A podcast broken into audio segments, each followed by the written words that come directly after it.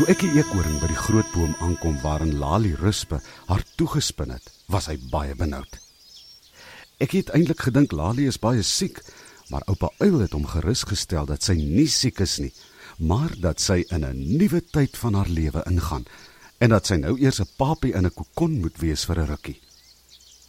Ek sit voor die kokon waarin Lali haar toegespin het. Lali, sê ek.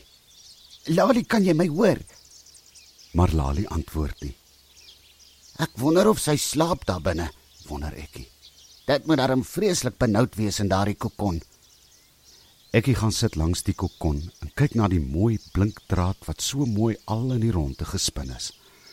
Dit lyk net soos 'n sy vruggie, so mooi langwerpig. En binne-in is Lali, sy beste maatjie in die bos. Ek dink terug aan die dag toe hy vir Lali die heel eerste keer gesien het. Sy was nog so 'n piepklein wurmpie. Sy het op 'n blaar gesit. Hy het haar amper nie raak gesien nie. Oh, sy was so pragtig, so bitter klein. Die mossies wou haar net opeet. "Maar sien julle die arme dingetjie uitlos?" het hy nog vir een van die mossies gesê. "Kan julle nie sien sy's baie klein nie? Gee haar ook 'n kans. Hoe sal jy voel as 'n arend of 'n slang jou kleintjies opeet? Toe, weg is jy." Die mossie het so groot geskrik dat sy sommer net daar weggevlieg het. Ja, hy het hom mooi opgepas. Hulle het elke dag saam saam in die hoë bome rondgespeel en sy het van die jong groen blaartjies geëet. Op 'n dag het hy haar gevra of sy dan nooit na die ander bome toe ook gaan om van daardie groen blare te eet nie.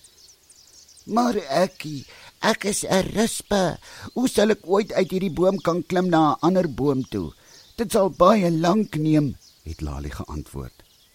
Maar Lali, ek kan jou mos help om in 'n ander boom te kom. Kom, klou jy nou styf vas aan my pels en dan klim ek versigtig oor na 'n ander boom toe. Jy sal sien, daar is net sulke lekker sappige groen blaartjies. Ek onthou hoe bang Lali was. Sy wou eers glad nie, maar later, toe sien sy hoe lekker ekkie aan die akkers in die groot boom langs aan eet. Sy kon haar lus nie hou nie. En nou maar goed, sê Lali rus by een oggend. Ek sal aan jou pels vashou, dan kan ons na die akkerboom toe gaan. Ekkie was baie bly. Nou goed, kom, sê hy en tel vir Lali versigtig in sy hand op. Dis toe dat hy sien dat Lali die mooiste streepies op haar lyfie begin kry. Rooi, groen, oranje en geel streepies. My liewe aarde Lali, kyk, jy het die mooiste streepies op jou lyf, het ekkie gesê. Lali het net gebloos. Ja, ek weet. Ek het eers gedink dis dis die blare wat my lyf gevlek het, maar dit is nie. Dis my eie streepies want dit wil nie afwas nie. Jy word nou regtig 'n groot rispe Lali, het ekkie gesê.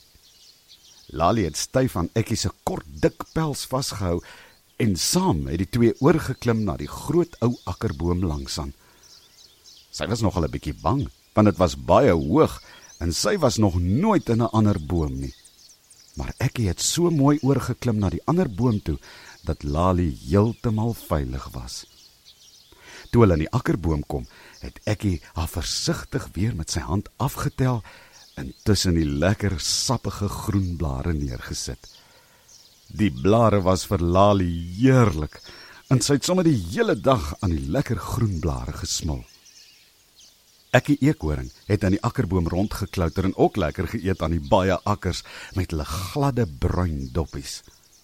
Ekkie onthou wat se lekker dae hulle in die akkerboom deurgebring het. Elke dag was vir hulle baie lekker.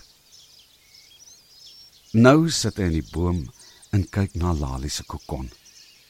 Sy praat nie meer met hom nie. Dis net die goudgeel kokon wat daar in die klein mikkie in die tak hoog in die boom vassit. Net soos 'n goudgeel akker. Ekie gaan lê langs die kokon. Toe maar Lali, jy hoef nie bang te wees nie. Ek sal mooi na jou kyk. Niemand sal jou seermaak nie. Rus jy net mooi in jou kokon en word 'n mooi sterk papie. Wanneer jy reg is, sal jy weet om weer uit die kokon te kom. Eh, dan sal ons weer lekker saam speel en eet in die boom. Ek is se oor raak swaar.